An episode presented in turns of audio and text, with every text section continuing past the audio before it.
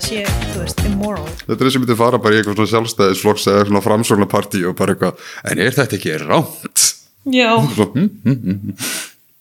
En hefur þú aldrei lifað lífið þín eftir minnisbókum? Nei. Aldrei? Nei. Áttu, helst einhvern veginn um dagbækur? bara þegar ég var krakki, sko Hefur eitthvað, geymur þær eitthvað?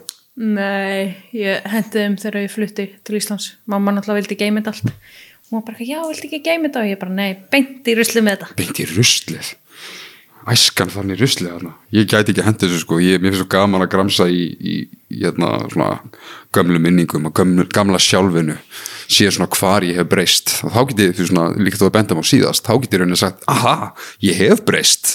En er þú ekki svona, þú veist, overcome með eitthvað svona krins tilfinningu þegar þú hugsaður um þitt yngra sjálf? Jú. Ég vil bara helst ekki, þú veist, ég vil bara spara mér þá þjáningu að þurfa að svona skammast mín fyrir mitt fyrir sjálf. Má nota cringe ég ætla, núna, ég ætla að prófa eitt með að við erum að prófa þeirra, þennan sesjón ég ætla að leiða mér þessa slettu að vísu. Út af því að við höfum fengið kritisisma fyrir það að vera að sletta sem er fyrir mér svolítið galið vegna þess að mér finnst þið svo átta ef ekki nýja á hverju tíu Íslendingum segja, hei, ert að hlusta okkur podcast? Já. mér finnst ég verið einn að fá sem, sem notar þetta falla íslensku orð hlaðvarp En mjög samt sko, þú veist, þegar ég fekk þessa endurgjöfarna, því slettið svolítið mikið, þá fekk ég líka með, þú veist, eitthvað, fólk á mínum aldrei skilur kannski ekkit endilega allar þessar slettur og mér finnst að fólk á mínum aldrei ætti að vera að hlusta á þessa þætti. ég skil ekki Og ég eitthvað svona bara, á, það gett sætt. Þannig að ég svona, þú veist, vil reyna Já, já. standa mig til þess að geta, þú veist, komið einhvern veginn bóðskapnum áfram, fattur Mhm. Já, þú veist, bóðskapnum sem er þá bara, það er allt í lagi að tala um tilfinningar. málstæðurinn eins og Sandra Fríta myndi segja Næ, en ég ætla að setja þetta sem persónlegt átak akkurat núna í þessari tökku að ég ætla að vera með slettu teljara og þú varst núna svo góð að að bjóða mér upp á bjór ég ætla að taka sopa af þessum bjór í hver skipti sem að ég sletti Ok. hversi skipti sem ég komin yfir fimm slettur þá ætla ég að taka bjór þá ætla ég að sletti mig bjór og ég drakk ekki mikið Vest að við eigum ekki skot. það var reynda geggjað sko, varahugmyndi mín var að vera með eitthvað svona sterkan pipar en þá væri þú veist meðlitan á tökunni bara eitthvað mjólk Eða teðskiða ó guð. Í hvert skipti.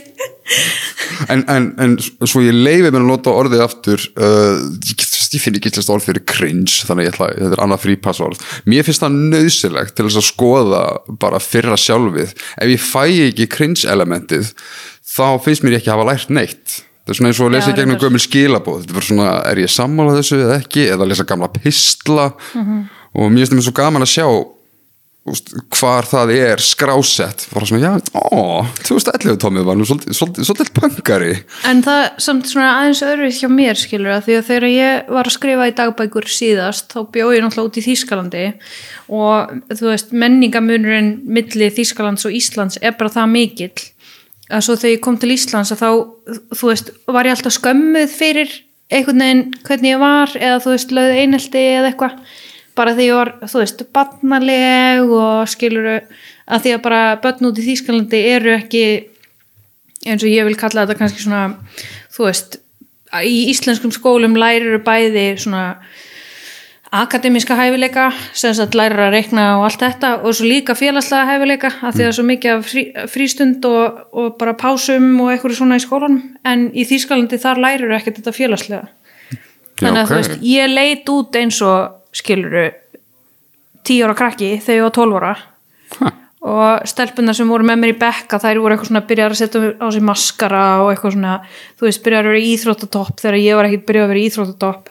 Uh, bara því að mér fannst það vera eitthvað svona fyrir eldri krakkana skilur þannig að þú upplifir mjög barnalega eins og segir. Nei, ég uh, svona fekk það viðmót að ég væri barnaleg, mér leiði ekkert eins og ég væri barnaleg skilur uh, en svona einhvern veginn að fá, þú veist það er útrúlega óþægilegt að koma úr umhverfi þar sem þú ert bara venjulegur og þú ert tekin í sátt af öllum sem er í kringu þig.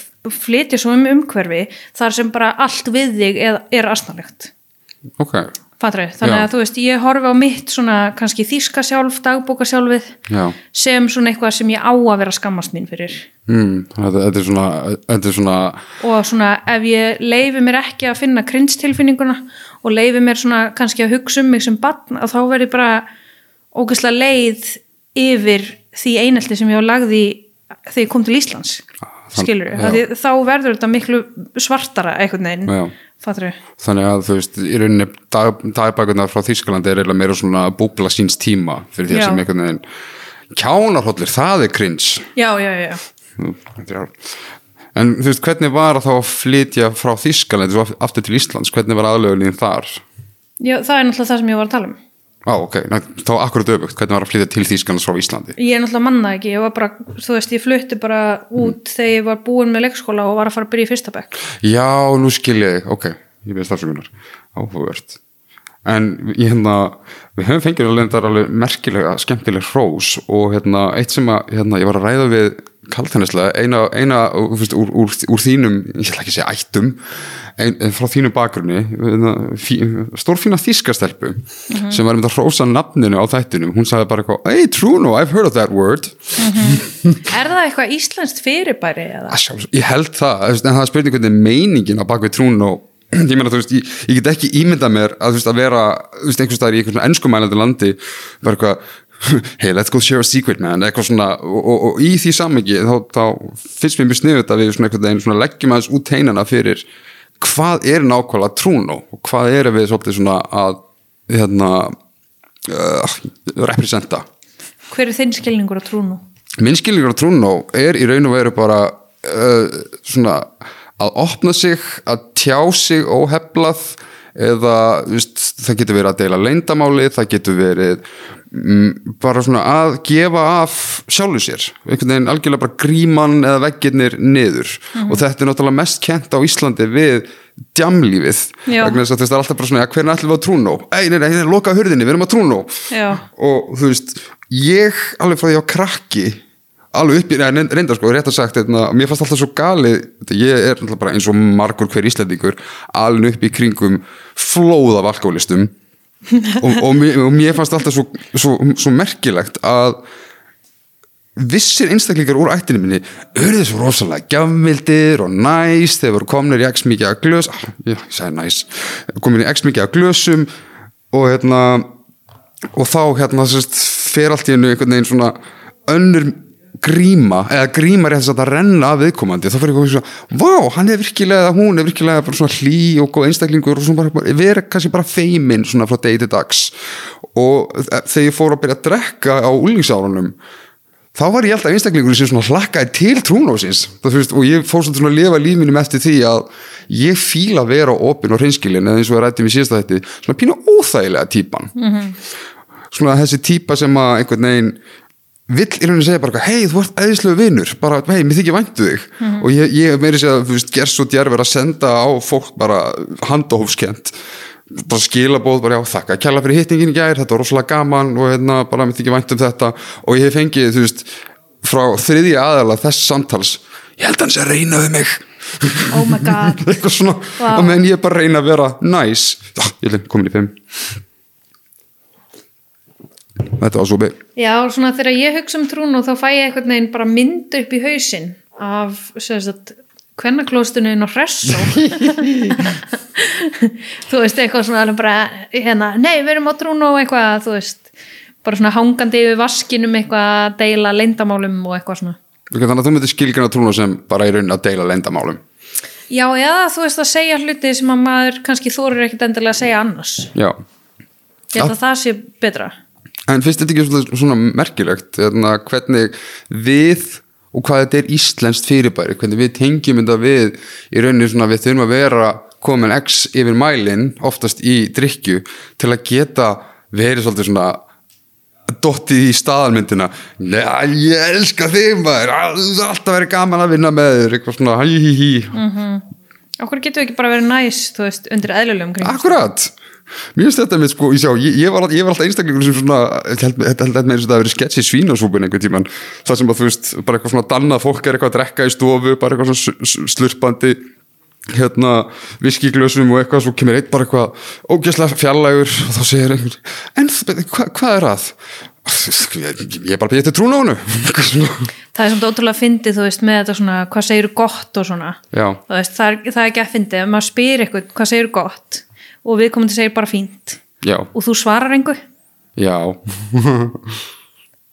Þá kemur oft svona Æ, þú veist, ég er bara búin að vera að díla við skiluru, þannig að það er, það er líka það er ekki bara einhvern veginn manneskjan sem er að halda aftur á sér sem á sökina, heldur líka einhvern veginn mótaðalinn sem er ótrúlega tilbúin að taka þessu, já fínt já flott, þú veist þá erum við búin með það umræðefni Já, mér finnst þetta mjög merkilega punktu til þess að aðeins að, að dvelja á það er helviti smá tjattið. Mm. ég hef næstu búin að segja small talk. Hérna, það sem að í rauninni þú veist, ég, ég, ég elska þú veist, einstaklingin en ég fíla ekki fólk. Meikar það einhvern sens? Já, það meikar fullkomið sens. Það sem að þú veist, einhvern veginn, ég dyrka hvað einstaklingur býður upp á, ég dyrka að veist, heyra sögur annara, deila sögum en það er alltaf þegar þú ert að ég ætla bara að segja, ég ætla að nota þetta sem bara íslenskt nýri þegar þú ert að smá tjatna einhvern þetta er oftast, já, já, já meðan blessaður, veitna hvað ert að gera? Já, svona, hvernig hefur það? Hvernig gengur í vinnunni? Já, eða, eða, eða, eða, eða, eða hittir við komandi sjálfnar hvað er verið að gera í lífinu? Já, stend þá með þessari konu þarna Eða þú veist, er ekki allt gott að frétta bara? Jú, og þú veist, það er alltaf rödd í mér sem sérstaklega á gefnum tímapunktum í lífinu það sem ég langa að vera bara svona já, ég var að hefja með þriðja tíma hjá Píetum núna og það var reynda að vera, ég lendi í hópupsögn og ég var reynda að byrja á ESO-prami sko, þannig að þunglindi er aðeins að lagast en þú veist svona, æ, þú veist gríman á hinnum sem er svona ég spurði bara um veðrið, drengur Já, en það er samt líka okkurslega gaman skilur, af því að þá ertu basically að segja viðkomandi, þú veist, það er hægt að eiga öðruvísi samtöl heldur en bara þetta boring svona uh, small talk Já, ég er ekki með þessari stigagjöf sko. Nei, hmm. ég, ég komin í átta En veitu, hvernig, hvernig höndlar þú þig? Getur við pásað hans, ég þarf að fara inn í þóttús Hvernig höndla? En hvernig höndlað þú þig þegar, þú veist, einhver kemur upp að þér bara, þú veist, bara, þú veist, fyrir þann bónus eða hagkaup og, og þú ert kannski eiga ömulegan dag, þú veist, nærið alveg að setja upp svona temmilega grímu? Uh, ég bara, ef ég á ömulegan dag og ef ég er að fara í vinnuna, þá bara fer ég í vinnuna og tala um það að ég eigi ömulegan dag. Mm.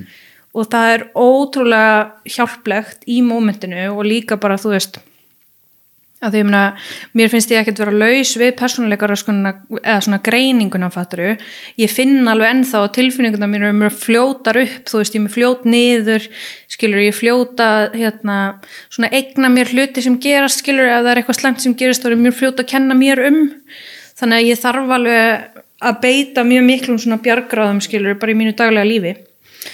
Um, en það hjálpa samt rosalega mikið að vera í vinnu þar sem allt er ásætanlegt Mm -hmm. þú veist, ég get alveg bara þú veist, ég meina, ég lendi aðna í áreikstru um daginn, var ekki búin að segja þetta og ég ringdi bara og ég var bara, ég er bara deg úr stressi og ég veit ekki hvort ég get komið og það var bara, já, ekkert mál, þú veist, mm -hmm. þetta var bara veikindadagur fattur mm -hmm. en bara að það sé svona skiljanlegt bara einhvern veginn að það gerist eitthvað svona og ég fyrir bara algjörlega úr jafnvægi bara á einni sekundu skilur mm.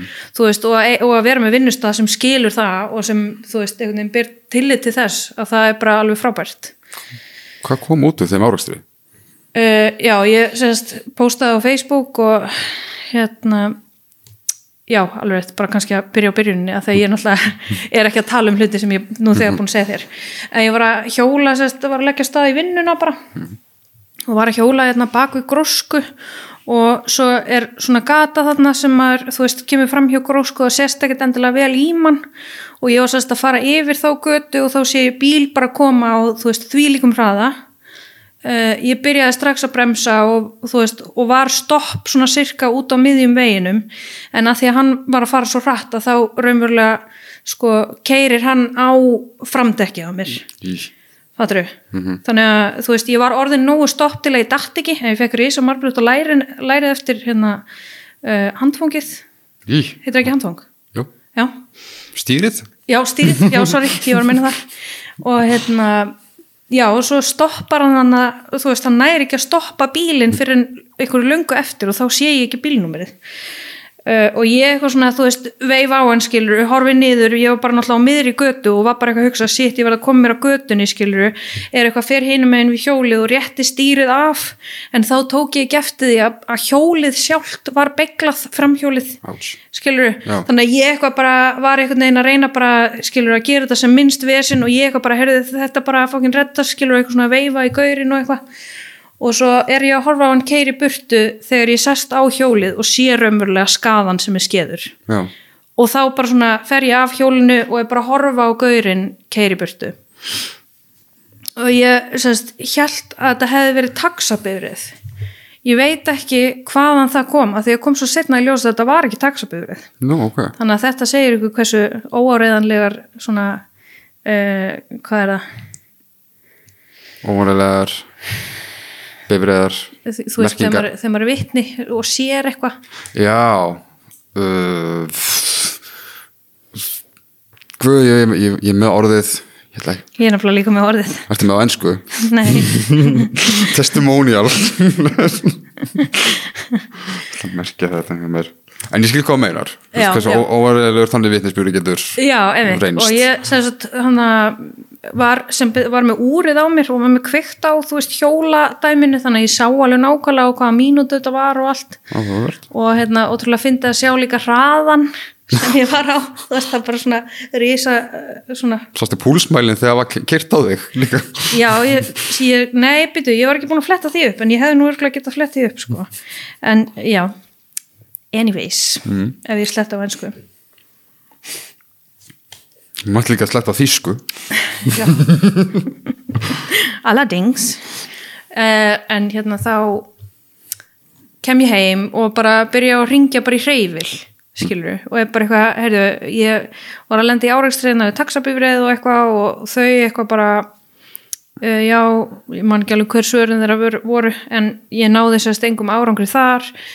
En allavega, ég hérna, reyna að ringja út um allt og finn ekki upp á görnum þar þá var bara, Og- það var bara sem máttur samfélagsmiðla tekin til, næsta Já, skrifs svo setti ég sérst á Facebook og bara vonast til þess að hefði kannski einhver, þú veist, ég ætlaði bara að reyna að posta hérna eitthvað í ég þekki náttúrulega fólk sem er í grósku, þú veist, nýsköpunarsetrinu og eitthvað svona þannig og bara vonast til þess að þetta myndi kannski dreifast aðeins og myndi finna eitthvað sem hefði séð þetta eða eitthvað. Mm. og svo fer ég líka og fyll út eyðublað hjá löggunni um áreikstur og afstungu af því að manneskjan sem ég talaði við í síman sagði mér að gera það í staðin fyrir sérstætt umferðslis ekki gera það heldur áreikstur afstunga.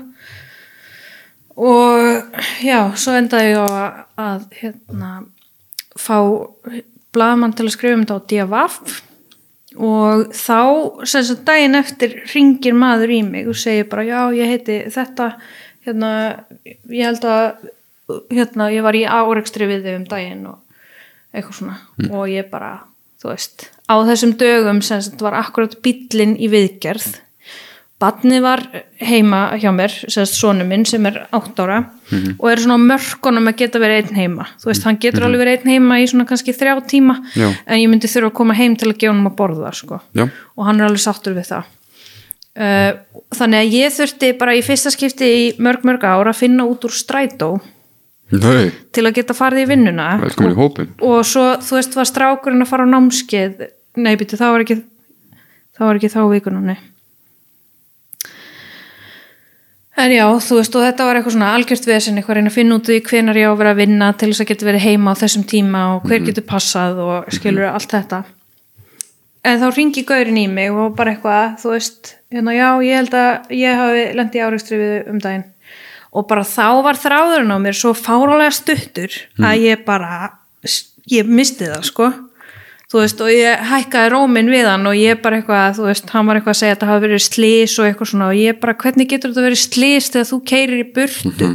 Já, ég bara held að, þú veist, og ég bara eitthvað okkur varst að keira svona fangin rætt þetta er, þú veist, gata á milli tveggja stóra bygginga sem er 30 mert skilur, það þarf enginn að reyna að ljúa mér að hann hafa verið á, á 30 og hann bara eitthvað, já, því get og eitthvað svona, ég endaði að skella á hann. Þá var hann búin að segja mér sérst að hann var atvinnubílstjóri hjá einhverju fyrirtæki sem ég vil ekki nefna því að mér fannst viðbröðin þeirra svo góð. Já, en hvern, en, hvern, jú, þetta var alvokin ég hérna mæli með viðbröðin þeirra.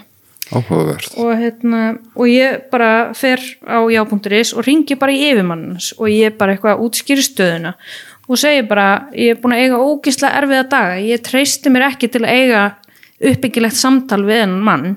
Getur þú díla við þetta? Það er bara ég búin að enda á lokuðum dyrum allstaðar skilur enginn vill hjálpa mér löggan enda á að fella niður kvót án kvót rannsóknina Já.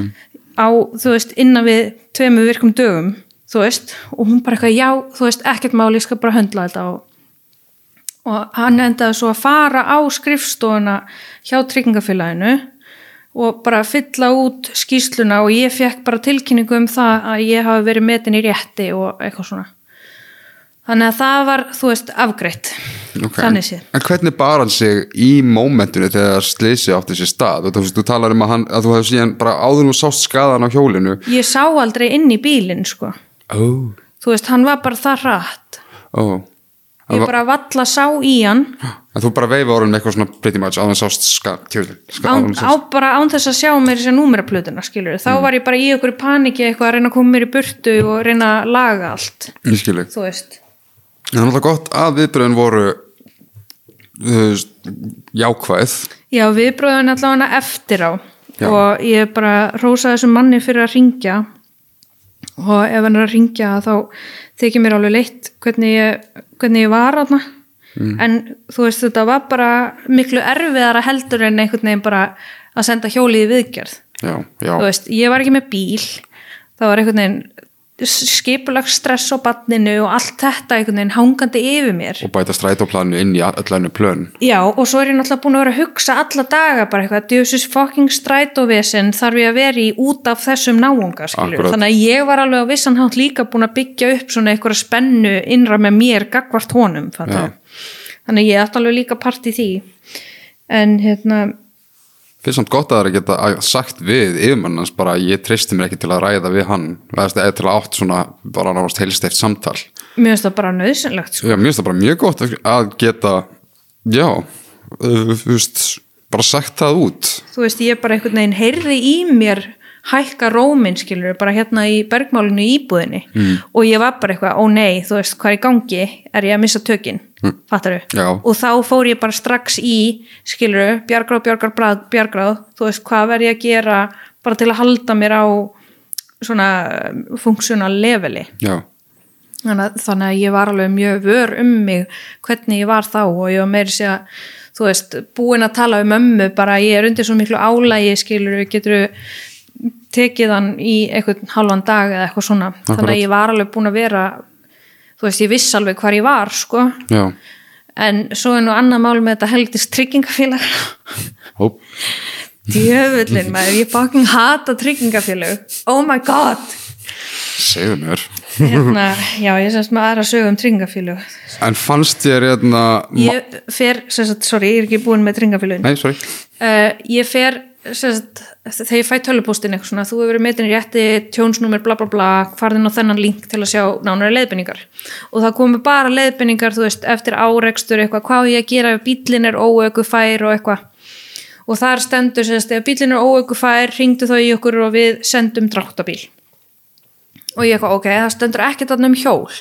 Hjólið er, sagt, ramakshjól þannig að það er heldur þungt á, og framhjólið er bygglað þannig að ég hefði alltaf þurft að lappa með það skilur með framhjólið upp einhvern veginn.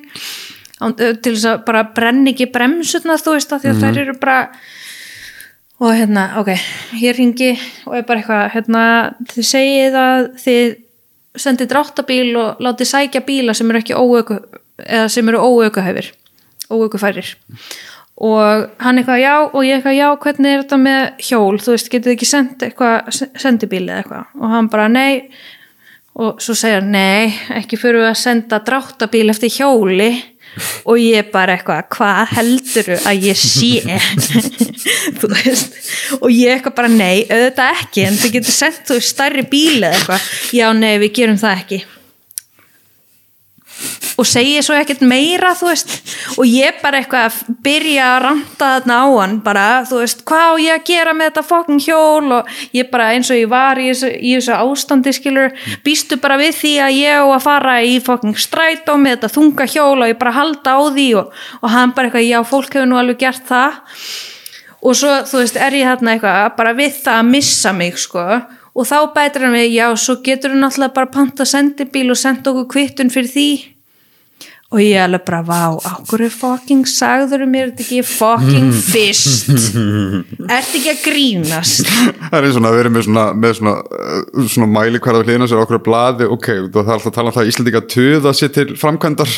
Hann er bara svona, ok, hún er komið þetta langt. Þeir eru best að gefa henni bara optioni sem ég hef ekki að gefa henni allan tíman þetta var svo bara, svo var ég svo ég sagði bara við hann, ok, okkur sagður það ekki bara strax og bara eitthvað að skellt á hann, skilur ég hef svo oft lent í þessu, það sem þú veist mér finnst eins og ég þurfi að skýra meira og meira og bara mörg eins og bara töða af mér analinn til þess að geta síðan fengið svona, já, hérna, þú veist, ég skal þá núna, fyrst að þú ert hérna á, á þessu leveli og skal ég vísa þér og einhvern sem getur mögulega að hjálpa þér, á meðan, þú veist, það er eins og sé einhvern veginn vera búa til protokóla um að, þú veist, vísa mér frá samtalenu svona til að byrja með. Ég veist, held að tryggingafélög eru bara þau, þau hafa, það er svo mikið húfi hjá þeim, auðvitað vilja þau ekki gefa þau peninga. Það er sko, ég, sko, það er svo fucked up við þetta. Þau eru þarna til að gefa okkur peninga þegar við eigum erfiða tíma en svo gefa þau ekki okkur, okkur ekki eins og peninga þegar við eigum erfiða tíma. Hvað þarf til, og ég var hérna bara eitthvað í lok júnimánaðar þú veist ég var með 28 áskallin og kortinu mínu eitthvað á ég að fara að leggja út fyrir 25 úrs krónar viðgerð hvað send- þá að já. borða? Ímyndaðu- þannig að ég þarf að býða þannig til að koma mánamót til þess að geta sótt hjólið viðgerð sem þið eru að borga fyrir mig. Mhm. ég tók reyndar yfirdrátt mæli samt ekki með því. Nei, ekki með þetta en samt þú veist, ég bara já.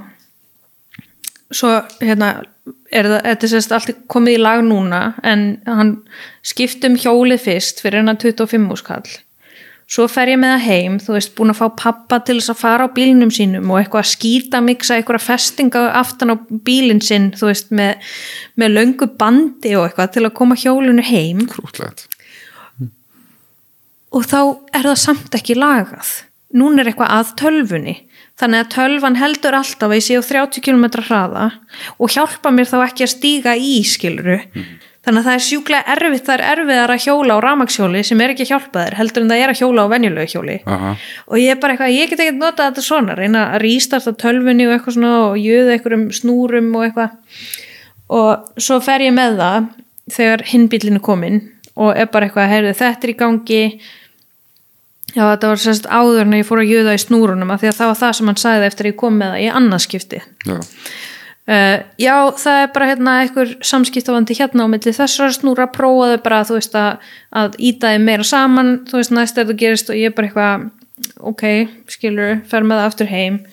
Hjóla á því bara niður á landsbyldun á ringbraut og það var ekki bara ekki mikinn árangur. Þannig ég þurfti einhvern veginn að skýta mig í vinnunni.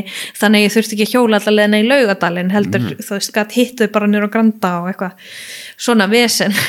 Svo fer ég með það í þriðja skiptið og er bara eitthvað, já já, nú ætlum ég bara að skilja það eftir hjá mér er alls saman hvað þú segir, þetta virkar ekki. Og hann eitthvað bara, já, ertu búin að prófa þetta og þetta? Og ég bara, já, og hann segir eitthvað svona já, það er örgulega bara auðvöldra fyrir mig að halda því eftir. Og ég eitthvað, já, ég held það líka. Svo var hann eitthvað að segja eitthvað, hérna, verður nú róleg. Og ég bara eitthvað, nei, ég er mjög óróleg. En þú veist, var samt alveg róleg skilu, ég var bara að segja það svona í djóki eins og ég er að segja það núna. Þannig að það var alveg svona, veist það var alveg svona, skilur kallin var alveg góður þar og let mig ekki borga í setnaskipti, þó svo hann hefði náttúrulega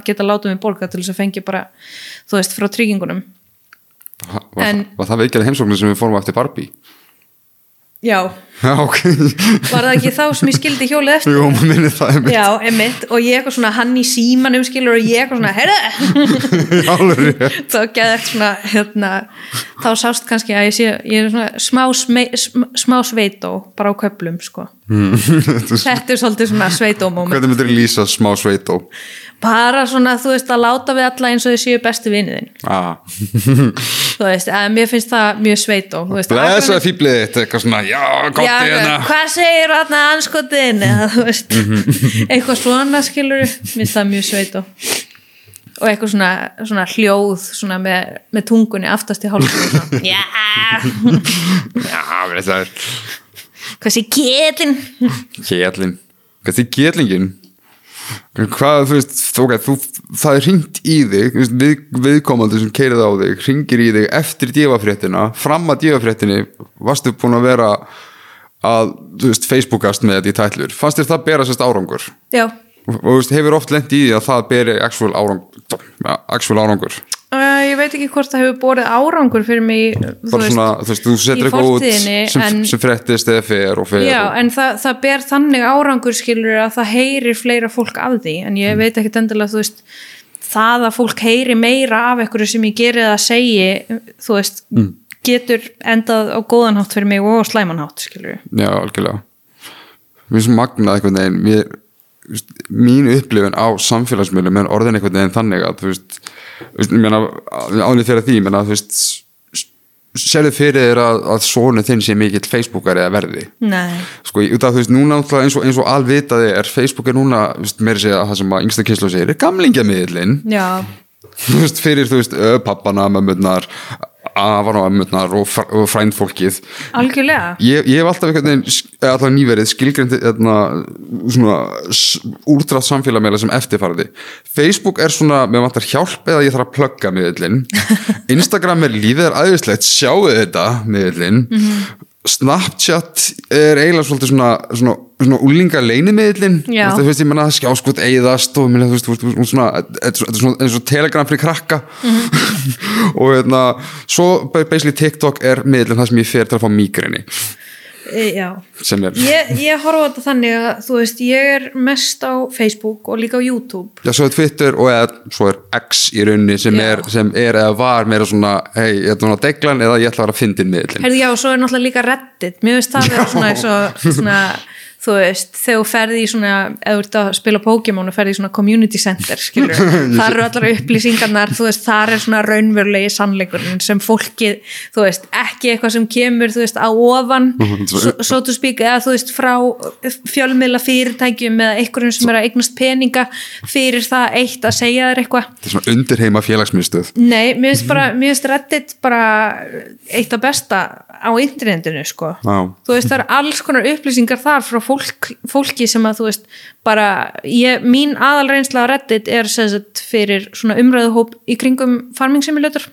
Næs, kemur óvart og þú veist, það er ótrúlega magnað að sjá hvað mikil þáttaka þar.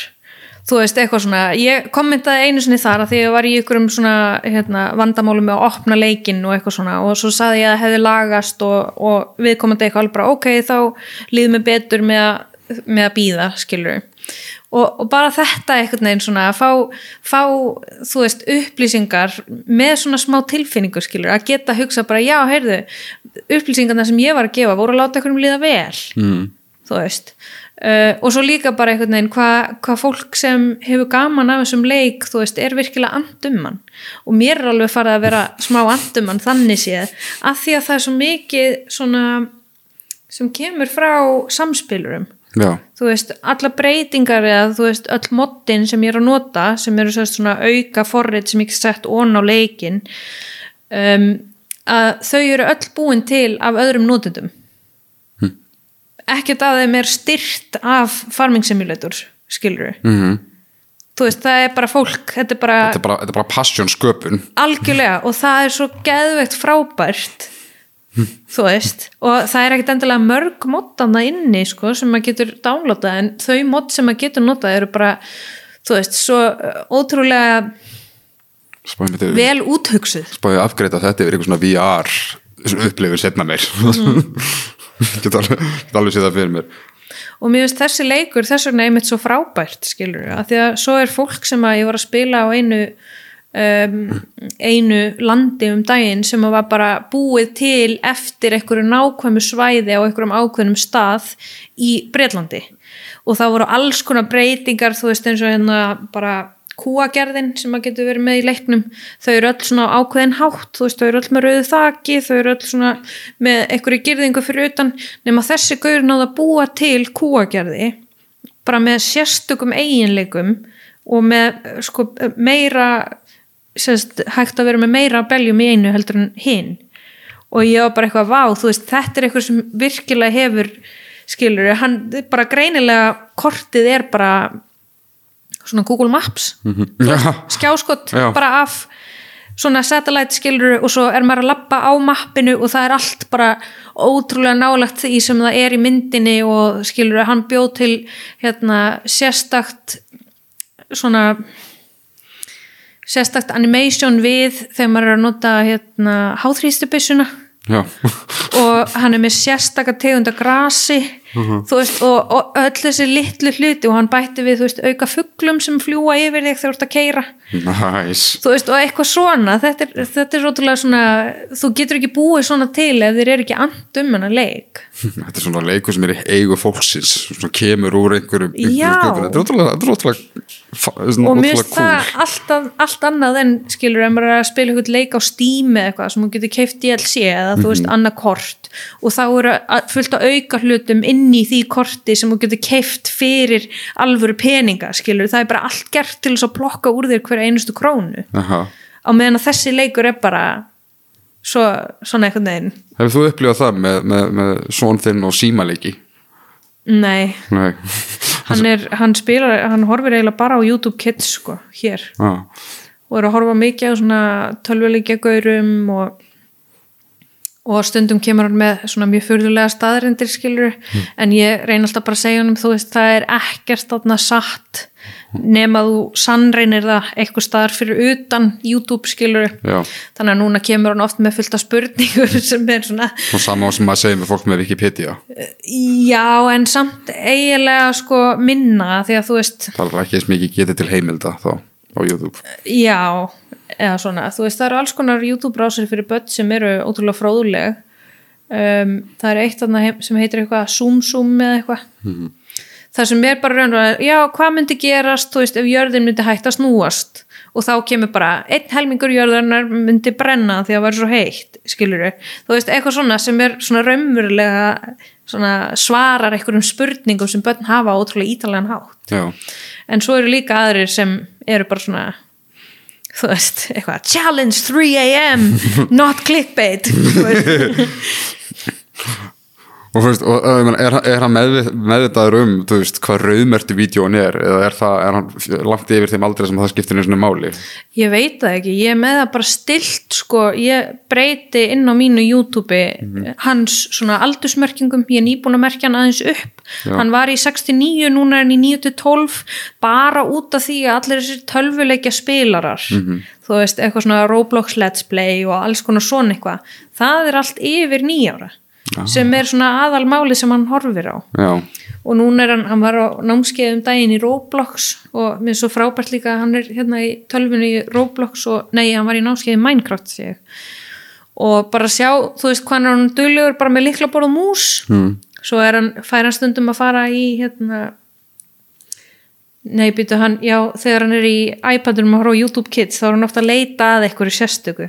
Og svona, hvernig stafa maður þetta? Og þá, þú veist, þarf ég að sína honum á liklaborðinu hvar stafinir eru og allt svona. Og mér finnst þetta ótrúlega mikilvægur lærdómur líka, skilur að krakkarnir læri ekki bara að spjaltölvan er eitthvað svona geimslutæki heldur líka, þú veist, að læra að gera eitthvað með það. Algjörlega Þetta voru stelpa mín elskar Minecraft og Roblox. Einhver, bara, mér finnst ótrúlega gaman að vera í bara svona opnu mappi í Minecraft með, með dóttur minni. Og við erum bara, við, við, við, við, eða, vorum meira svo áður en í langa tíma voru bara með svona okkar mapp og okkar höll sem við vorum sem vorum að hjálpa staðið að byggja.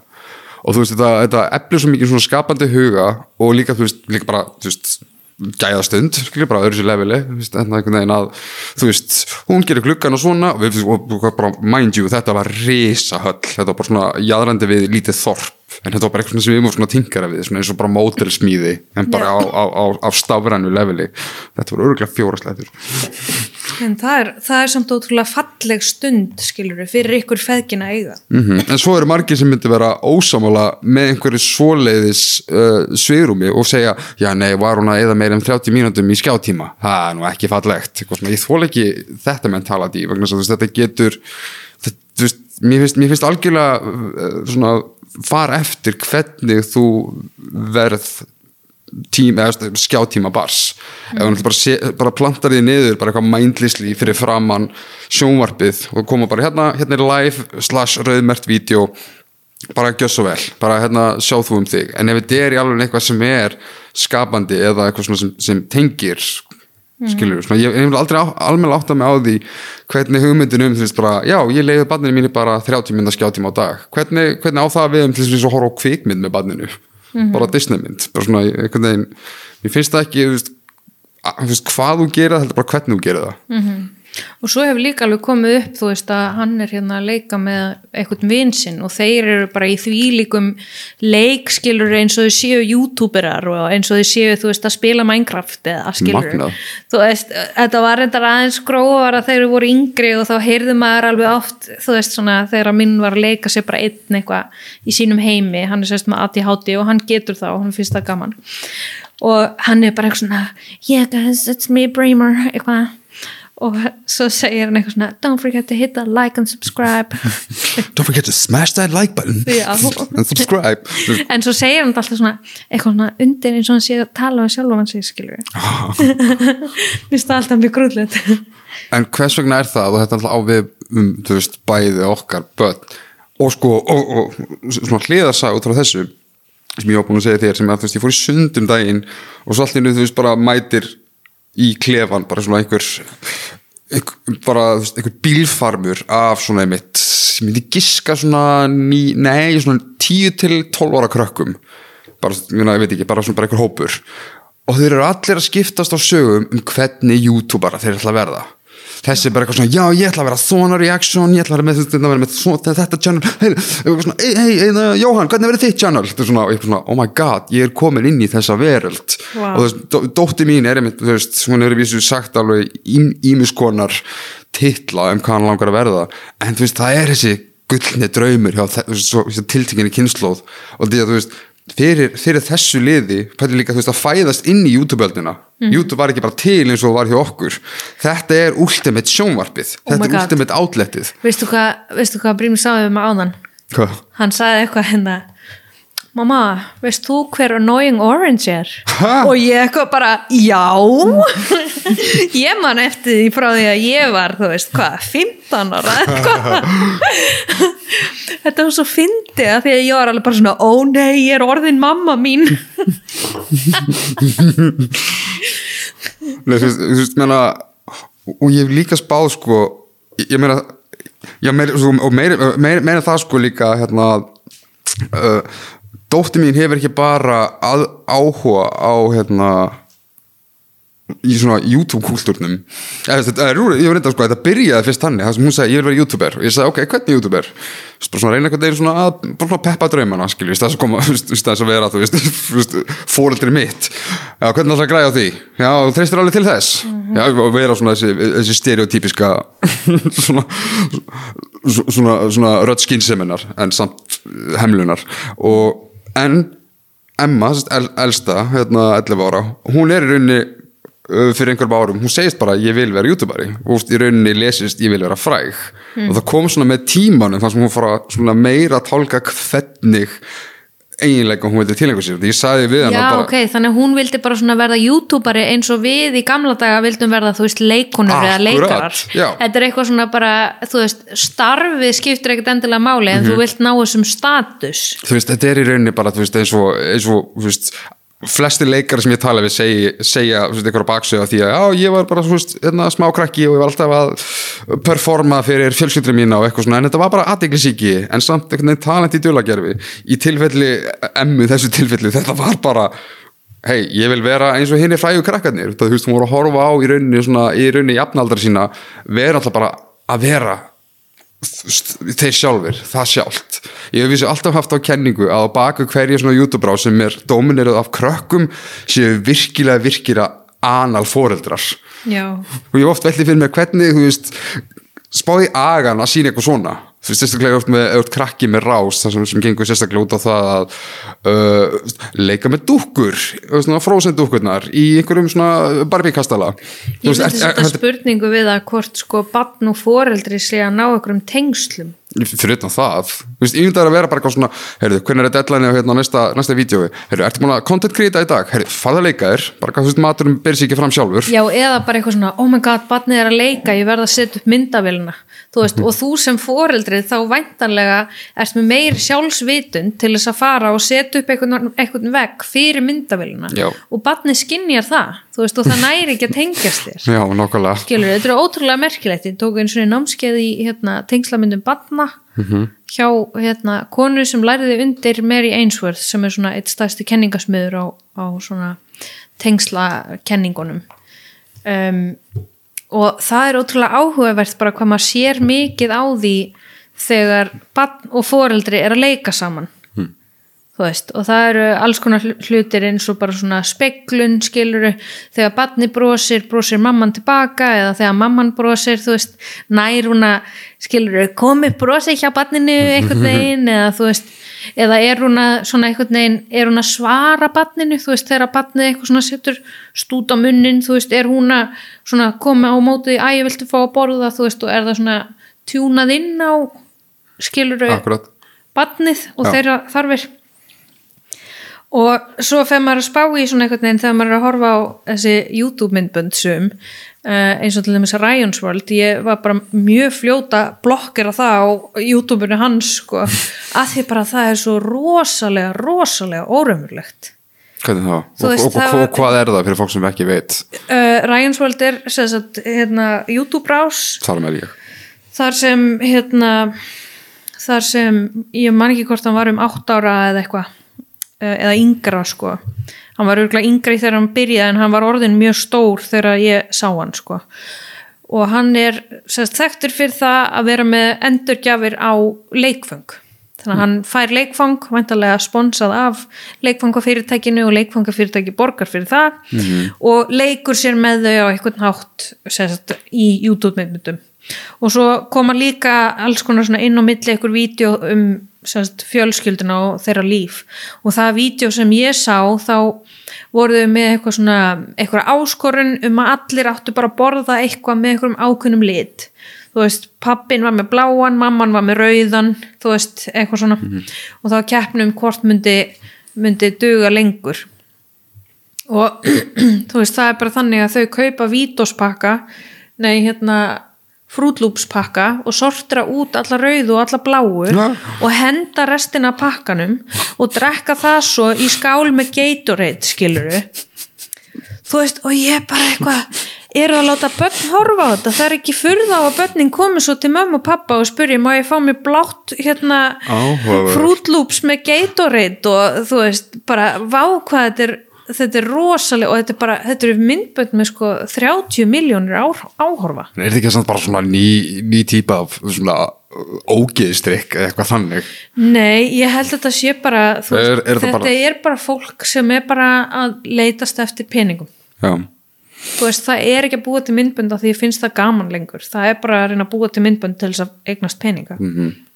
Sko þú veist en líka glamúrísering, glamúrísering jú, hérna sérstaklega, eða stum bara alls fólks en sérstaklega krakka á YouTube stjórnum, tala ekki það ef þetta eru jafnaldrar, þetta var komið það stig að dóttir mér var fann að teikna all, og fann að nefna og telja upp alltaf nöfninu og öllum meðlumum í, í einhver ráð sem hétt Funny F-U-N-N-E-H og þú veist þetta voru bara hérna mestu stórstjörnur fyrir henni og svo er önnur á sem hún horfði alltaf á áður sem heitir Sis vs. Bro Hmm. og það er, þú veist, það er með sískinni bókslega bara bandera og leika sér og eitthvað svona kjaftaði og, og ég sá alltaf fyrir mig bara svona einhverjar ótrúlega týrand drifna fóreldra Hmm. á bakvið með þetta eða, veist, eða ennfremur hversu fyndið væri það að væri með, fjölskyldi heimili sem samastendur af engu nema content creatorum það sem er kannski með pappan sem er kannski með einhverja svona, þú veist, hann er kannski með einhvern nýfa setta safnar ás, mamman Já. er kannski einhverja svona, uh, ég veit ekki hún, hún getur geti verið með eitthvað svona sitt eigið unboxing dæmi, nei, að mamman er kannski ASMR ás, svo ertu með elstu dótturina að segja það sem er kannski þú veist, komin í, veist, eitthvað Mukbang. let's, já, já, veist, og, og yngst er í let's play. Og hvernig, hvernig væri, þú veist, kvöldmaturinn við, það- við, það, við það borð við, innan við það fjölskyldu bara, eitthvað, "Hó, hvernig gekk ykkur svo í dag? Já, já, ég fekk hérna 32% spike hérna fyrir mitt, já, ok það væri samt örglega alltaf tekið upp skiluru, að því að þú veist, þau eru með svo mismunandi áhörvendahópa og þau munu væntarlega vilja að kynna mismunandi, eða sínum áhörvendahópum Já, fyrir collab þú veist. draumur. já, emmitt oh my god. Nei, pabbi, ég vil ekki kollaba með þér. Þetta, þetta, þetta er ógstlega leim sem ert að gera. Nei pabbi, ég get ekki kollaba með þér. Það er ógislega átt að tala um kallmenn í dag. Já, En veist, en spáði líka þetta býr til svona, veist, ég meina ég hef fundið fyrir þessu í mjög litlu, litlu mæli bara, veist, með hlaðvarpstölur eða, eða vefsíðutölur. Að þú veist, þú, maður verður háður því að sjá spækin eða droppin og við okkur er svona innan við okkur kent að við erum ekki að setja mikið í dopamínið sem að fer í það að fá húst, fjölda læka eitthvað þannig. En mér finnst þetta einhvern veginn alveg, svona, alveg rjúfa það niður og það fer að snúast um ekkert nema lækin sérstaklega þetta er frá að blæði inn í lifibröð viðkomandi. Þannig að svona bara einhvern veginn, já, samfélagsmiðlar eins og þeir leggja sig og bara eitthvað, eitthvað appar þessu YouTube finnst mér bara svo og við erum ennþá nánast bara á fyrsta svona fyrsta kynnslóðstíi þess tíma ef ekki þá að fara inn á annað. Og það finnst ég líka veldi fyrir mér hvernig þú veist, við erum öll til til að læra á ennþá á hvernig bara svona samfélagsmiðlar eru partur af okkar day to day normi.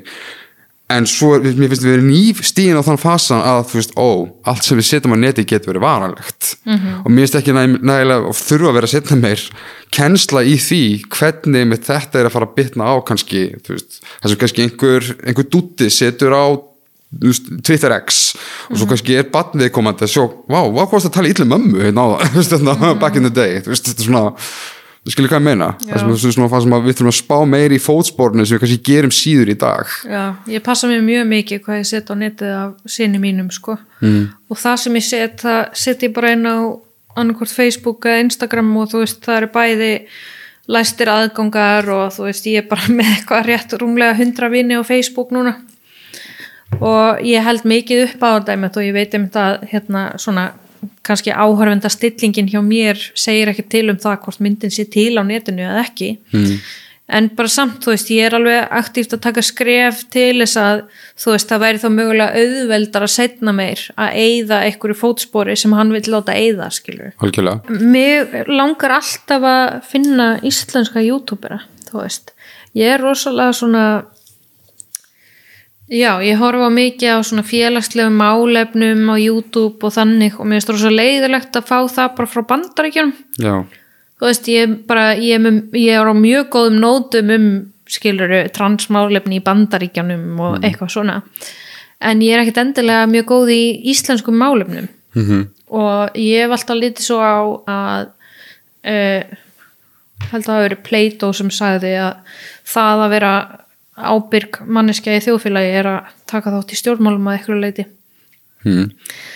og ég væri rosalega til já, í já, bara Platón, Plato, hérna heimsbyggingur já. já, ég held því smá að það var að tala um Plato fyrir ekki já, fyrirtæki leir fyrirtækið það er hérna þess að merku, merku tilvittnun já, Plato, akkurat. Góð maður. Já og hérna og mér vantar rosa svona þú veist hver er til ég að segja mér til dæmis bara hvaða málefni er á döfinni á alþingi í dag þú veist bara sem, sem borgari og, og reikvikingur þú veist hvaða tækifæri bjóðast hverju sinni til þess að taka þátt í stjórnmálum að einhverju tægi mm. mér finnst það vantar rosalega og ef það er til að þá myndi ég kunna mikið að meta að fá ábendingum um það. Mm en ég væri rosa mikið til ég að eða tíma í það frekar en að horfa á eitthvað frá bandaríkjum skilur, Mhm. ég væri mikið frekar til ég að heyra um þú veist, einhverja já, ég væri mikið til í svona bara einhvern veginn kannski á podcastformi eða eitthvað, svona bara frétta umföllun sem er bara raunverulega hvað er verið að tala um og ekkit endilega verið að staldra mikið að í einu málefni en svona kannski til þess að gefa okkur einhverja víða sín á það sem er í gangi, ekki að fara bara alltaf ofan í eitthvað eitt og eitt eða þú veist, endilega þannig Þyrfti það ekki að vera svona dipló frá flokkum og algjörlega ósponsað og Jú, Já. og ég meina ég myndi bara vilja hafa það bara kannski eitthvað sem er að vinna hjá alþingi eða eitthvað svona sem bara hefur það starf að vera hlutlaus, mm. fattaru um, eða úr, frá háskólanum eða eitthvað Mm. og að því þú veist, mig langar alveg að taka meiri þátt en ég er bara einhvern veginn ég er náttúrulega bara á Facebook og YouTube uh, ekkert um íslenstrasl á YouTube. Og Facebook alltaf íslenska sem ég sé bara einhverjar umfjallanir frá vísi þú veist, eða eitthvað skiluru sem gerir mig bara brjálaða út í spillingun á Íslandi en ég fæ ekkert svona eitthvað heyrðu, það er uppkomandi íbúafundur hér þar sem verður talað um þetta sem Já. hefur eitthvað að gera með alla eða þú veist, eitthvað Akkurat. svona. Já, líka eitt sem ég langar að bæta við varandi sporin sem maður skilur eftir uh, á alnetinu og, og slíku og aftur yfir í 11 ára dóttir mína ég mani með sko hvað mér þótti rosalega merkilegt að þú veist, ég hafði hérna, þú veist, ég hef komið fram sem, þú veist, aukaleikar og eitthvað í, í, í þáttum og myndum og eitthvað og ég hef verið svona, svona, svona, svona potandi í emmu, svona, hei, hei, sjö, sjö, sjö ég, ég leik hann, en henni finnst það ekkert merkilegt en þegar hún komst að því hún gæti YouTube að pappa sinn, wow það var allt annar fokkin flötur. Og, og, og bara þú veist núna með því að segja sögur af henni án hennar samþykist þá veit ég að ég er skildið fótspór sem hún aftur er öruglega eftir að sparki mig með setna mér sem bara hvað pappi sem er reynda að fyndi, þannig að hún er nefnilega núna frá með þessu ári, hún er núna með mér á YouTube í, með skett sem ég framleiti fyrir sumar sem heitir Helgapappa-leikarnir wow. og það er leikur dótti mín, hún fær að vera, sérst, ég er að leika ömulegan Helgapappa og hún fær að sparki mig henni oh. fannst það mjög gaman. Þannig að fyrir henni var þetta bara svona ík. Og eitt af krútlegasta sem hún hefur gert er að hérna, hún baði eins og um að taka upp sig vera að taka svona alls konar hún elskar, reyndar alveg svo ég uh, í vissi mæli svona ASMR á sér Vist, ég hef elskað ASMR alveg síðan lunga áður en það hafði einu svona nafn. Alveg frá því ég bara fyrst YouTube er relaxing sounds. Wow. svo einhvern veginn jæna, hérna, ég veit að það er rosalega mikið miskilið sem svona samfélag af fólki bara sleikja mikrofóna og smjatta. En það er ótrúlega mikil fjölbreytni. Kannast eitthvað mikið við þetta? Nei. Þú er, hefur kynntir þetta, ASMR á sér? Mm, ég hef bara, bara séð eitthvað af því já, já Eða, veist, eitthvað um það en ég hef ekki séð það skilur hver er þá svona þín mynd af þessu? Uh, þetta er eitthvað svona ákveðin hljóð sem virkja eitthvað í heilanum á þér mm -hmm. uh, ég vil prófa að hlusta á þetta sjálf og mér fannst ég eitthvað en ekki tengja við upplöfununa en svo hef ég líka séð alveg að vera að gera grína því sem bara eitthvað svona skilur smjátt í eða líka hérna svona eitthvað I'm your boyfriend ASMR og það er eitthvað svona hey girl you wanna go out? Oh yeah I want to too. Eða þú veist eitthvað svona sko sko þetta þetta er svona samkant vísindunum. Er þetta svona eitthvað sem að í gegnum bara svona audible sensation ég veit að það voru slettur þá, þá ert að fá svona uh, þess að geta orða betur einhver svona litla svona, svona heila hausafullnæðingu oh það er svona, það er svona gistið með þessu. En svo stjárna og, og ég elska mig, það er fátt í veröldinni sem er auðvelt hægt að gera grínað og aðeins sem verður minn, búið að nefnir. Eins og einhvern tíma sá ég svona grínvídeó það sem að það var verið að stagea bankar án það sem allir voru kvíslandi this is a robbery. Og byrja svona, svona handláka seðlana svona, það er rosalega mikið tekið svona, svona, svona brauð eins og hérna fólk elskar þessi hljóð og svo svona, já, það er til allar gangur á þessu. Ég er líka, veit bara svona með því að vera að explora hinn og þessar rásir í þessu. Ég er nætt á öllum anskotunum, þú veist, ég dýrk allir með sér svo bara ef ég, ég er að eiga seflið svo nótt, stundum ég bara næsa þú veist, að fá bara svona regndrópa eða svona skóar, skilur mm -hmm. svona feeling, bara svona, já, relaxing sounds það getur verið, hérna það getur verið allur fjandi. Og sumir eru bara, bara fættir með þá bara guðskeppnu hæfileika ef slíkt er til með bara gegjaða rattir til að geta kvíslað eða sagt sögur, ég elskar þetta minnst eins og þegar einhverjum með góða rattir eru bara svona að lesa og alls konar þannig og, erna, og svo eru sumir sem eru bara viðbjóðslega hæfileikaríkir í því að hugsa út fyrir ramman með bara búa til allan anskota af koktelum sem bara búa til hljóð sem að vissingin svona væri til sko sem að einhver að hræra róla í búblu tegi með kannski fjóri mikrofónum og með hennar að veist, tappa á eitthvað eða kvistla bara eitthvað svona sweet nothings. Og erna, en já, Emma elskar ASMR svona vissa típur af því en einhvern tíma hún spurði mig meðvitið um það að ég á þess að blessu í mikrofóna hún spurði einhvern tíma hvort hún mætti gera sitt eiga þessum er að hún tók búblupapýrið mitt mm. og fór bara svona kvísla og gera eitthvað svona áskunar svona, svona tap. Mm. það er svona, það er svona mjög vinsalt eitthvað svona afslappað.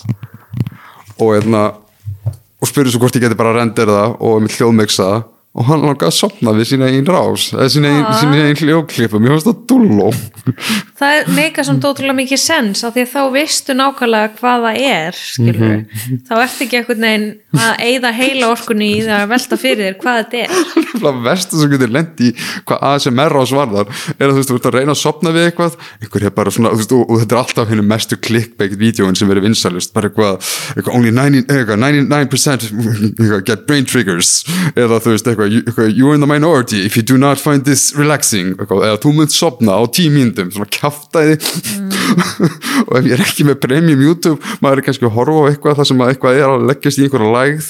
Bara nú skulum við algjörlega reyna að svæ, veistu þetta er á ennsku náttúrulega, svo bara búm, kemur auglýsing.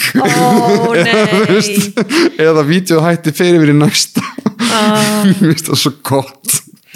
Ég er með hérna, YouTube premium og mæli með því fyrir alla. Ég borg ekki fyrir Spotify sko þó ég sé náttúrulega þú veist, fólk náttúrulega hlusta á okkur Já, við erum, ekki, við erum ekki tónlist, það er hægt að hlusta á podcast í heilu lagi í höllin á hérna án þess að það hafi áhrif. Ó, ok, já, en ég hérna, sérst, hætti með Spotify og er með YouTube Plus eða Premium. Og það kostar aðeins meira en Spotify en maður fær á móti að horfa á YouTube án auglýsinga og þú færð að nota YouTube Music sem Ah. er gott að því leiti að það getur séð, eða sérst, hlusta á alla tónlist sem er ekki líka á, á hérna, Spotify mm. og svo er einhverja eitt annað sem að mitt aftur myndi í hugum með mitt errið það var, já, já, já, ég var að reyna að rifja upp einhverja minningu af öðru sem að mitt svona gaf mig hjartáfall en það er fátt verra en að detti í einhverja slökun og svo færið hjartáfall, hvort sem að það er einhver, einhver svona innskotshauglýsing eða eða færð hugdettuna og sérst að detta aftur á baka þess vegna. En, en á einu tímafúti þá sett ég á eitthvað bara svona eitthvað sem hafði titil í líking við bara eitthvað svona uh, hvað var það, bara eitthvað svona bara relaxing whisper, eitt sem er mjög sem, þú veist, það, það er mjög þunn lín oft með þess hvað er í rauninu bara svona relaxing whisper eða eitthvað sem getur líka ta- talist til það sem að kallast lip smacking þar sem fólk er bara svona að smetla vörunum sem stundum bara leiðir út í bara þú veist bókstæðlega það er verið að geta banana bara og kokan á skjánum. Og svona eitthvað svona mhm, þetta er mjög afslappandi. Og hérna en það besta sem ég lendi var ekkert mann og ég, ég ándis reyndi að sopna við þetta. Ég hins vegar reyndi að síðan þá ég, ég, ég vil aldrei sopna við það sem er en ég elska að nota þetta til svona ákveðna slökun með að gera gera eitthvað annað. Hvort sem er að teikna, skrifa eitthvað whatever. Fer eftir tímumbilum en á einu tímpúti setja ég á vídeo sem var einmitt bara búið sem bara mjög frekar sakleysislegt kvísl. Og svo dettur einmitt út í það að gælan fyrir bara að stinja og verður bara svona Nei. hægt og rólega bara svona að tala um sem sé afklæða sig. Nei og svo svona, og þegar ég var búin að fara einu vídeo í annað, svo bara svona, hvað er ég að hlusta? Ó, ég kom út í átján plus rásina. Ó, og hún er bara, hún er bara komin full on í bara svona eins og ég sé komin í einhverja kynlíf símalínu. Og mér fannst þetta svo dýnamist og svo fattaði ég, ah, ok þarna skil ég fætti sinns mann sem fólk er að tala um.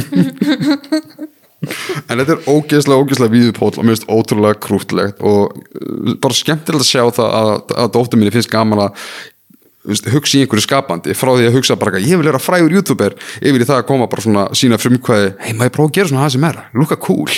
Og við settum, tókum með þessi vídeomynd gaf þetta svið hérna hljóðfælin og ég, hérna gerði vídeo af henni líka og var einhvern veginn svona þetta, þetta, er svona það pappalesta sem ég upplýði mig í kringum hana sem svona, já, við hefum búblipapír og hérna, herri, já, þeir nota rosalega mikið svona, svona, svona dósir til að tappa og, og hérna, já, þeir nota þennan hérna, þessa hérna bók, þetta leður svona, og já, var, þetta var okkar kollab, það þótt ekki legin þá nema auðvitað gáum þetta ekki út og það er aldrei staðið til en svona, þetta gaf henni svona kýtt fyrir hvernig sköpunarferðli geta virkað -hmm. sem henni fannst mjög gaman að sjá bara svona, það er ekki bara að tala í mikrofónu og búm það, það, líka, það, er, það er mixið og svo þarf að synka hljóð við mynd og svona, en, en þannig eru grunnskrefin og hérna, en ég vildi bara óska að YouTube væri ekki svona til lengdar. Þessi dominerandi, hér er allt cool stöfið, rás, sem að krakka lítið upp til, þannig á einhverju tímpunkti hlýtur að koma einhvers konar mótsvar við YouTube sem er, veist, sem svarar gaggrinni sem YouTube hefur.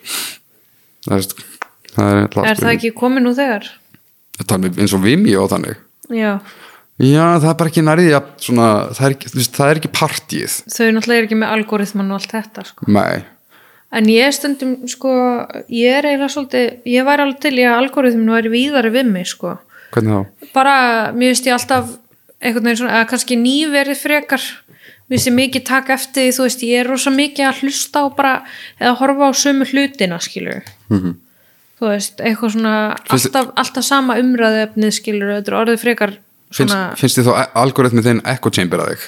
Meira? Já, já, og mér finnst það leiðilegt. já, já, ég sammála En þú veist, ég horfi voða lítið á raunverulega það sem algoritmin býður mér. Ég er mjög lítið að horfa á uh, nýja rásir. Hmm. Sko. Ég kom með svona freka góða þú veist, ég er alveg komið með það margar rásir sem er að fylgja núna, þú veist, bæði svona eitthvað glæpadót og eitthvað svona umræðudót og eitthvað svona smá, eitthvað svona heimsbyggi og þú veist, félagsfræði og alls konar svona lögfræði eitthvað. En ég væri rosa til í að fá eitthvað annað skilur, ég væri alveg til í að fá þú veist um, mér finnst ég stundum fá eitthvað bóðum að horfa á eitthvað sem er eitthvað sem ég örgulega ekki að horfa á og þá er það ofta einhver, einhver einn youtuber að byrja drama með einhverjum öðrum skilur en ég væri alveg til í að fá til dæmis mótrök við einhverju svona öðru kannski. Ég hef algjörlega haldið mig frá öllu sem heitir YouTubera drama eða ég, sko, ef ég útskýra þetta kannski aðeins betur og þá er ég bara að sjá svo rosalega mikið af sagt, umfjöllunum frá fólki sem er ósamála mér segjum sem svo og þær eru bara svo fucking heimskar. Þú veist það er svo auðvelt að brjóta þetta niður skilur eða fólk er bara að brjóta þetta niður því að þeir, þau eru bara einhvern veginn að skilur tala sjálf sig út í hotn og vera með mótsagnir og skilur eitthvað svona vera að selja eitthvað eða eitthvað ósiðlegt eða eitthvað svona. -hmm. og ég bara einhvern veginn ég hugsa bara með mér ok, það getur ekki verið að þetta sé svona ótrúlega heimskulegt. Please YouTube, getur þú sínt mér eitthvað Mhm. sem gefur mér eitthvað fleiri upplýsingar? Þannig að þú veist að ég veit alveg að hinum megin er fólk Mhm. en bara hlutinni sem þeir eru að segja er bara svo þú veist bara svo alien eitthvað. Það sem ég vil óska í tilfelli míns algoritma eða í tilfelli alla míns, ég kalla hann oftast bara Alli. Svona sem Aladín kallar Alli Já. Alli minn, algoritmin minn er þess bara, hann getur, hann getur verið í símanum mínum, hann getur verið í snjallbóti minn, hann getur verið á YouTubeinu mínu mm. það sem, sem ángra mig við YouTube almennt eða svona YouTube-kultúrun er að til þess að náttúrulega í dag þetta er svona þessi lógíka að hver sem er getur sett, of, sett fram eitthvað skapandi en þú þarf virkilega að vera framúrskarandi til þess að skera það fram úr, núna snýst þetta ekki um tólin áður, eins og ef þú vilt bara gera stuðmyndir eða, eða eitthvað fyndið vídeoefni áður fyrir var þetta bara svona, já en þú veist það er vesna rétta kameru, sem fannst ég fara í skóla eða eitthvað alls konar, nei, nei, nú getur bara settir henni hvað sem er og verið skapandi, en það sem að keppast við er hugmyndaflug annara, en vandin er er að þú veist til þess að ná til sem flestra, þá þur- þurfa oftast að vera hvað mest ekstrím pólar en það sem að YouTube, sérstaklega í tilfelli popkultúrsrása sem ég fylgist með þá er ekki til neitt svona vinsælt sem heitir nuance. Það þarf hann að hvort alltaf vera tíu ástafur hvort þú elskar þetta, tíu ástafur hvort þetta sökkar, það er veginn mér finnst svona YouTube sem sem svona pínu útrýma milli veginum ef það meika sens það er svona finnst mér sko lang best að horfa á heimsbyggi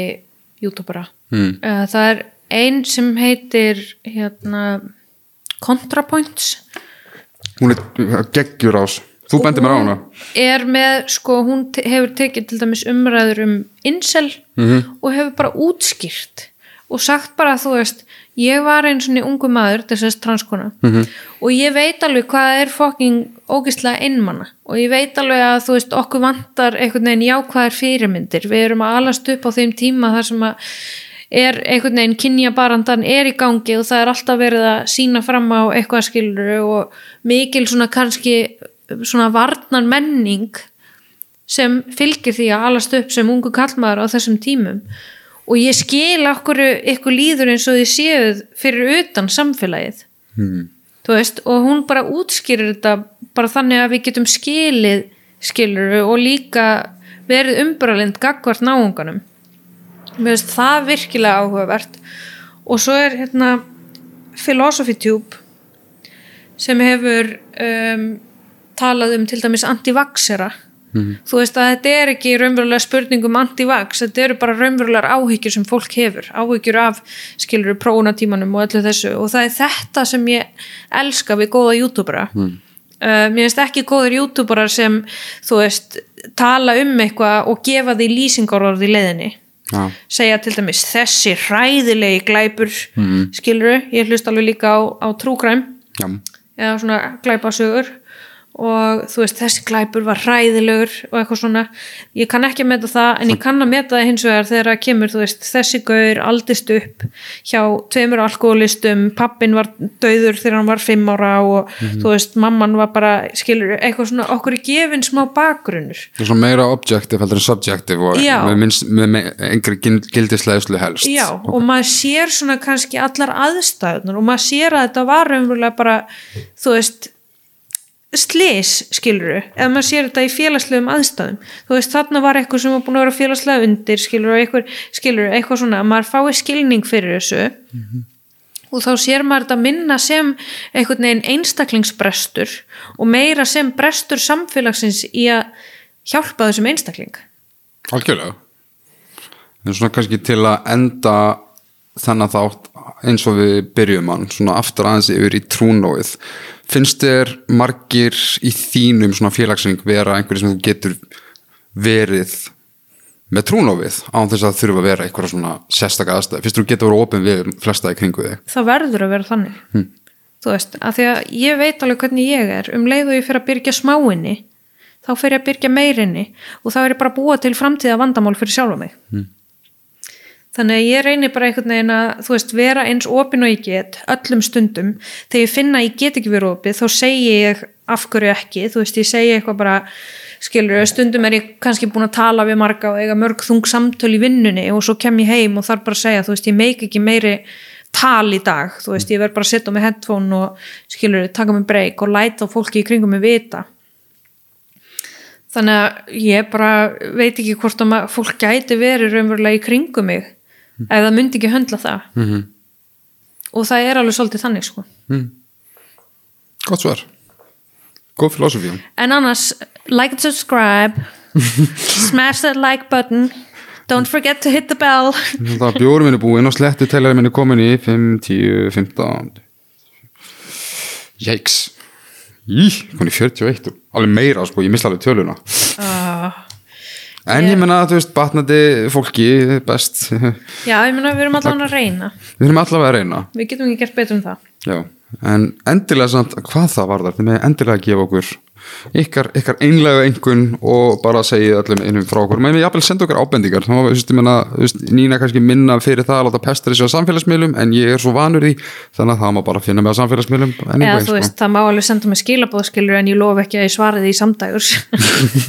En svo náttúrulega erum við Instagram rás þannig að það er líka frjálst að dæla öllum anskota, hvort sem það er jákvæðið, neikvæð rýni, það má vera persónuleg saga, fyrirspurn uh, áskorinn alveg bara endilega. Ég veit alveg að það að núna að þessum tökum loknum minn langar rosalega að smakka einhverja típur af frútlúpsum með geitureiti en það er bara ég. Og ég bara. Ég fíla frútlúps